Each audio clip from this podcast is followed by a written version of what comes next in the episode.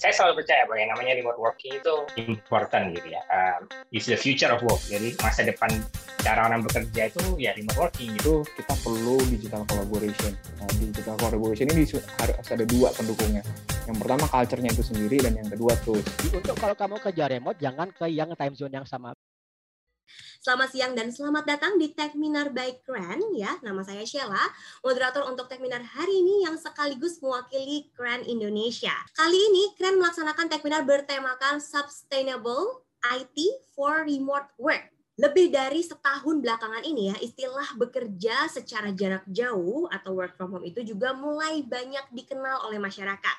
Kini orang-orang juga lebih mengenal work from home atau remote work. Tapi ternyata kedua hal ini cukup berbeda loh teman-teman. Sistem work from home sendiri mengizinkan kamu untuk bekerja dari rumah selama waktu kantor. Dan sistem kantor namun kamu dapat mengganti suasananya ya dan juga lebih fleksibel dalam hal waktu. Lantas bagaimanakah arah perkembangan sistem remote work? Ke depannya nanti ya. Inovasi-inovasi apa sih yang dibutuhkan dan bisakah Indonesia menghadapi dan menerapkan sistem ini? Dan senang sekali pastinya sudah hadir bersama dengan kita semua. Ada panelis dari ketiga pihak. Yang pertama kita mau menyapa dulu ya. Di sini ada Kak Delta Purna Widyangga, CEO dari Kiskas. Uh, speaker kita yang kedua ada Kak Ray Rizaldi ya, selaku CEO dari Gits.id. Dan yang ketiga ini ada Kak Eko Suprapto Wibowo, selaku CEO dan founder dari remoteworker.id. So, tanpa berlama-lama, langsung saja kita masuk ke sesi presentasi yang pertama. Kiskas adalah startup penyedia aplikasi pesan instan khusus untuk perusahaan, menyediakan layanan komunikasi virtual untuk membantu perusahaan mengembangkan bisnisnya. Dia juga memiliki layanan seperti multi-channel chat, in-app chat SDK, WhatsApp Business API, lalu CRM and API ya. Kiska sendiri didirikan pada tahun 2013 oleh empat orang Indonesia yang berdomisili di Indonesia pastinya dan juga Singapura. So langsung aja kita panggil ini dia CEO dari Kiskas, Kak Delta Purnawidiangga. Uh, sebelumnya perkenalkan nama saya Delta, kami Delta Purnawidiangga. Uh, saya CEO dan co-founder dari Kiskas, tadi seperti sudah dijelaskan oleh Mbak Sela. Kiskas itu perusahaan apa sih gitu. Jadi ini in general uh, apa yang kita lakukan di Kiskas, uh, kita punya sebuah platform yang uh, mengagregasi percakapan dari berbagai macam uh, sosial media atau messaging platform. Jadi problem yang ingin kita solve adalah yang namanya perusahaan itu uh, butuh mengengage customer-nya dengan lebih baik. Ini ada ada dashboard-nya mungkin kelihatan ya sedikit snippet uh, dari WhatsApp, datang dari Telegram, datang dari Facebook mungkin itulah platform itu Kiskas. Jadi uh, definisi uh, textbooknya sih kita sebuah platform percakapan uh, jadi spesifik ya, platform percakapan yang membantu bisnis nih untuk mencapai yang namanya kita sebut yang namanya customer experience atau CX yang bagus dengan platformnya kita. Uh, kembali ke konteks tadi kalau kita ngomongin startup sebenarnya uh, uh, ada sebuah referensi yang saya suka dari dari Y Combinator namanya Sam Altman itu dia bilang bahwa yang namanya perusahaan digital seperti Kiskas ini ada empat hal, sebenarnya lima hal sebetulnya yang penting. Yang pertama ide, produk, tim, dan execution gitu. Yang kelima adalah keberuntungan yang sebenarnya ya ini nggak bisa kita kontrol ya. Oke, uh, kembali ke topik saya. Uh, yang pertama saya pengen sharing lebih lanjut sih sebenarnya kalau kita ngomong remote working, kenapa kita harus ngerasa itu penting gitu ya. Uh, uh, saya selalu percaya bahwa yang namanya remote working itu very very important gitu ya. Uh, it's the future of work. Jadi masa depan cara orang bekerja itu ya remote working gitu. Banyak banget yang positif dari situ. Tapi untuk mengeksekusi itu dari sisi sebuah perusahaan itu sangat challenging gitu. Bagaimana kita memastikan bahwa semuanya berjalan dengan baik. Uh, yang pertama kalau dari konteks Kiskas, sebenarnya memang alasan utamanya karena pandemi sih. Uh, jadi ada dari sebelum pandemi itu ada dari tim Kiskas yang remote dari Palembang, dari Bogor, dari mana-mana. Tapi kebanyakan tim kita itu ada di Jogja dan di Jakarta uh, sejak pandemi itu lah kemudian itu tiba-tiba grup gitu. Oke okay, ini no choice. Uh, udah di prepare sebelumnya yang jelas sejak muncul case-case uh, covid ya.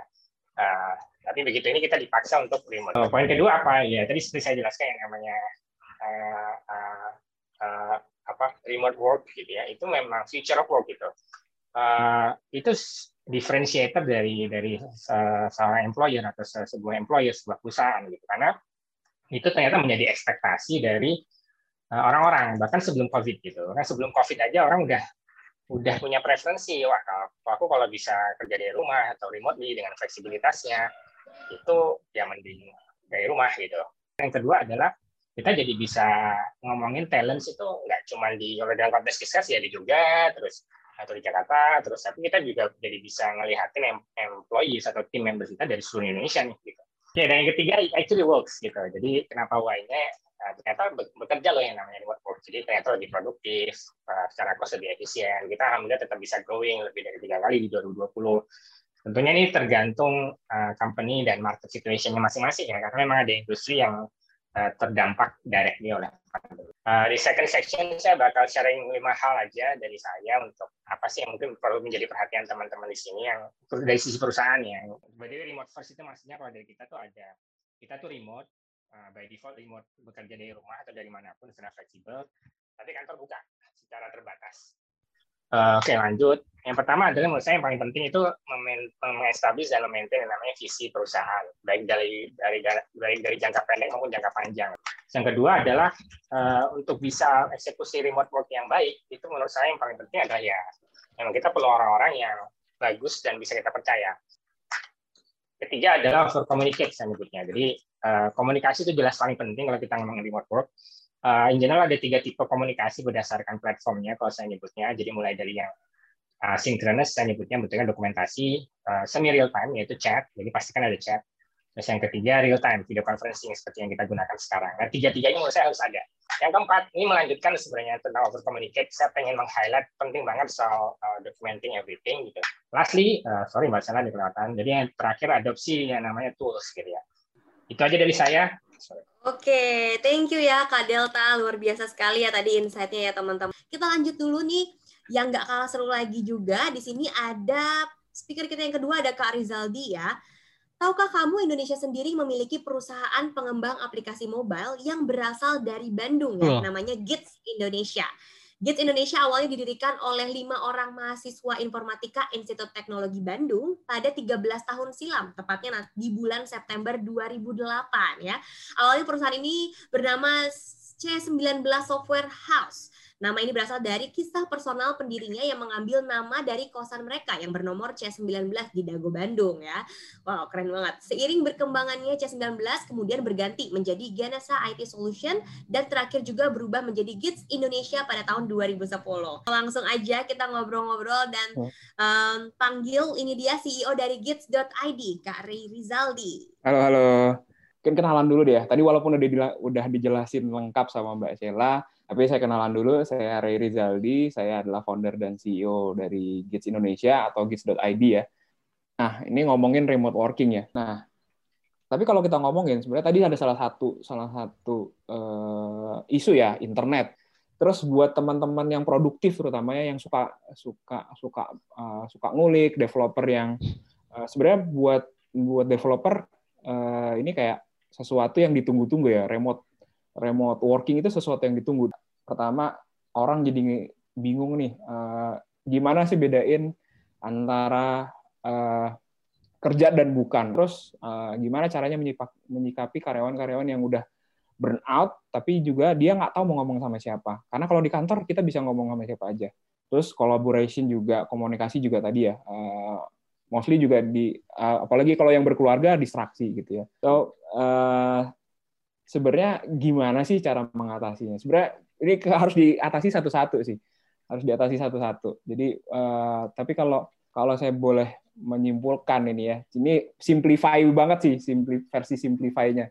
Jadi uh, akhirnya saya uh, menyimpulkan bahwa kalau di remote di remote working condition kayak sekarang itu kita perlu digital collaboration. Nah, digital collaboration ini harus ada dua pendukungnya yang pertama culture-nya itu sendiri dan yang kedua tools. Mungkin tadi udah udah sempat di sounding juga sama Mas Delta. Yang pertama culture. Jadi untuk pertama kalinya kita lihat lagi visi kita mau ke mana. Kita bener-bener pengen jauh kah? Apa bener-bener worth it buat dibelah kah? Dan uh, values kita kita revisit lagi. Terus habit-habit apa sih yang bisa kita kita bisa pakai selama kondisi kayak gini? Trust, uh, pertama transparent, terus dan akhirnya uh, ini ini foto ya. Jadi uh, kita coba apa yang udah kita lakuin dulu. Kita punya weekly sharing, kita punya uh, monthly town hall, kita punya daily, itu tetap kita lakuin secara remote. Jadi kita mulai lagi ngukur nih di tiap project kita kayak gimana. Bukan cuma ngukur orang ini lagi ngapain sih, kok dia kayak uh, susah banget dihubungin. Tapi sebenarnya project itu hijau gitu, bagus. Jadi uh, itu kita harus coba mulai lagi. Terus uh, ini agak random ya, karena boundary tadi saya bilang boundary antara kerja sama sama non kerja kalau kita sebelum WFA adalah pulang kantor ya secara fisik gitu ya. Pulang kantor uh, beda tempat. Sekarang boundary kita cuma waktu. Kita harus benar-benar bisa uh, bisa manfaatin waktu ini sebaik mungkin. Kalau ada sesuatu yang bisa dihemat waktunya hematlah terus terakhir uh, setelah culture kita ngomongin uh, tools jadi uh, tools itu harus mulai dari culture dulu baru kita ngomongin tools. Toolsnya bisa macam-macam. Tadi udah Mas, Mas Delta udah banyak banget toolsnya. Saya cuma ngambil ada G Suite tadi ngomongin tentang search and consolidation project. Terus yang simple ya tanda tangan. Berapa banyak klien saya tuh harus nunggu tiga minggu for uh, apa ya buat nyelesain satu tanda tangan yang simple banget sebenarnya cuma pindah-pindahin doang. Pakailah ada uh, tanda tangan digital saya pakai DocuSign. Kira-kira itu aja uh, mungkin take aways-nya kesimpulan yang bisa saya share ke teman-teman. Ketika remote working uh, mulailah dari uh, set the right culture. Jadi the right culture ini kadang beda-beda di tiap perusahaan. Yang tadi saya share adalah yang work di perusahaan saya, tapi yang jelas uh, walaupun walaupun set bukan cuma ngesetnya, tapi culture itu harus terus di di apa ya didiskusikan, di sharing, terus diimplementasi karena kadang kita cuma nulis culture di dinding bagus-bagus tapi nggak pernah diimplementasikan itu juga percuma. Gitu. Terus uh, tools for collaboration juga penting. Dan terakhir uh, pastinya di digital digital culture ini ada perlu adaptasi ya. Jadi uh, enjoying the process aja kan. Jadi hopefully teman-teman uh, bisa ngambil banyak uh, pelajaran dari si dari sharing singkat ini dari saya terima kasih. Thank you. Oke. Okay. Ya, thank Thank you Kak Rey buat sharingnya ya. Pastinya banyak sekali insight yang baru nih ya buat teman-teman. Oke, kita langsung lanjut juga nih ke sesi yang ketiga. Nggak kalah seru lagi ya teman-teman ya. Pastinya kita akan mengundang di sini ada Kak Eko ya. Semakin mudahnya digitalisasi saat ini, tren remote worker mulai meningkat ya. Salah satu layanan yang membantu teman-teman untuk belajar sistem remote work adalah remoteworker.id. Remoteworker.id menyediakan bootcamp online dan juga kursus bagi teman-teman yang tertarik dan ingin belajar lebih lanjut mengenai menjadi seorang remote worker. Nah, banyak sekali kisah sukses para alumni ya melalui remoteworker.id ini yang akhirnya juga bisa bekerja ya secara domestik bahkan juga uh, ke luar negeri. So langsung aja kita mau sharing-sharing bareng sama Kak Eko Suprapto Wibowo selaku CEO dan founder dari remoteworker.id. Saya bekerja sebagai remote worker dari tahun 2010, jadi satu dekade yang lalu ya. Dan pengalaman saya, kalau kalian mau kerja dari mana saja, nggak masih dari rumah ya, saat kerja dari mana aja, bawa MacBook, uh, handphone ada koneksi 4G-nya Telkom, kemudian mondar mandir ke sana kemarin pakai sepeda. Yang penting apa kamu pakai head orang nyantek kah cuman headset biasa aja. Tapi enggak enggak dilihat sama employermu sama teman-teman pekerja yang lain. Jadi saat ting kamu wajib menggunakan headset yang bagus. Uh, pengalaman saya kerja di sini selama 4 tahun sampai 2018 itu ada banyak beberapa staff itu yang dipecat gara-gara saat meeting nggak jelas suaranya.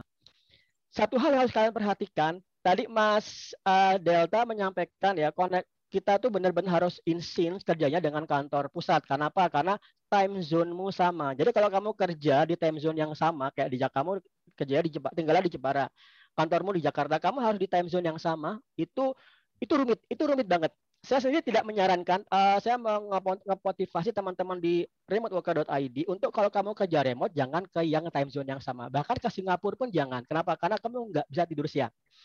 Oke, satu lagi uh, perangkat yang harus kalian persiapkan untuk uh, kerja remote itu minimal pakai headset wireless yang ada noise cancellingnya. Nah, kemudian kenapa saya mempromote remote work? Secara, secara gaji ya, oke, okay, secara gaji kalau kamu kerja di remote work, gajinya pakai UMR-nya Amerika 15 dolar per jam. Itu gajinya janitor ya 15 dolar per jam, tapi di sini gaji siapa tuh 30 jutaan. Nah, uh, itu yes kerja remote di luar negeri gaji memang gede tapi yang utama itu adalah kamu akan bisa ngelihat anakmu tumbuh kembang dan mengarahkannya. Atau misalnya kamu suka gaming, kamu bisa menyiapkan workstation gaming yang su kamu sukai. Coba, boleh nggak kamu ngebawa racing wheel itu sebelah kanan itu ke kantor? Nggak boleh. Kalau iya pasti dijadikan hibah sama teman-teman lain kan dipakai bareng-bareng. Nah, tapi kalau kamu kerjain rumahmu, kamu pakai kerja sendiri, kamu pakai uh, joystick dua juga that's fine, nggak ada yang larang. Right, teman. Kemudian, namun seperti kata Mas Ray dan Mas Delta, lebih dari infrastruktur IT, kamu wajib punya kedisiplinan diri secara mandiri. Kemudian di tahun pertengahan 2020, jadi tepat setahun yang lalu, saya mulai membangun Remote Worker Indonesia. Itu wadah untuk mentoring pemuda-pemudi Indonesia yang semangat untuk ningkatin skillnya, menembus remote work ke berbagai perusahaan luar negeri. Uh, kemudian yang penting itu masalah meningkatkan skill. Kalau kamu mengerjakan bootcamp, mengerjakan coding, meningkatkan skill, carilah skill yang tepat sama dengan demand dari pekerjaan remote work. Saya menelurkan semacam code of RWID Step pertama itu bangun jam 5 pagi. Nah, setelah step yang kamu belajar step hari jam 5, yang kedua, belajar personal branding. Kemudian step 3, gunakan real job untuk mengetes apakah kamu berhasil apa tidak. Terakhir, pelajari weekly meeting. Setiap minggu belajar bahasa Inggris dan terakhir baru hunting job. Right, kemudian untuk mengatasi semua ini, uh, seperti yang disampaikan oleh moderator tadi, saya menelurkan satu konsep namanya BUS, Bootcamp Online Onsite Serentak Terpusat. Di program BUS ini, kamu akan dibimbing dari nol, membangun produk IT, personal branding, mempersiapkan portofolio. Itu tujuannya untuk kamu nembus remote work. Ya, itu Mbak Sela. Terima okay. kasih. Semoga tidak kelamaan. Thank you. Oke, okay, thank you ya Kak Eko ya. Oke, okay. Kita langsung masuk juga ya ke sesi panel discussion.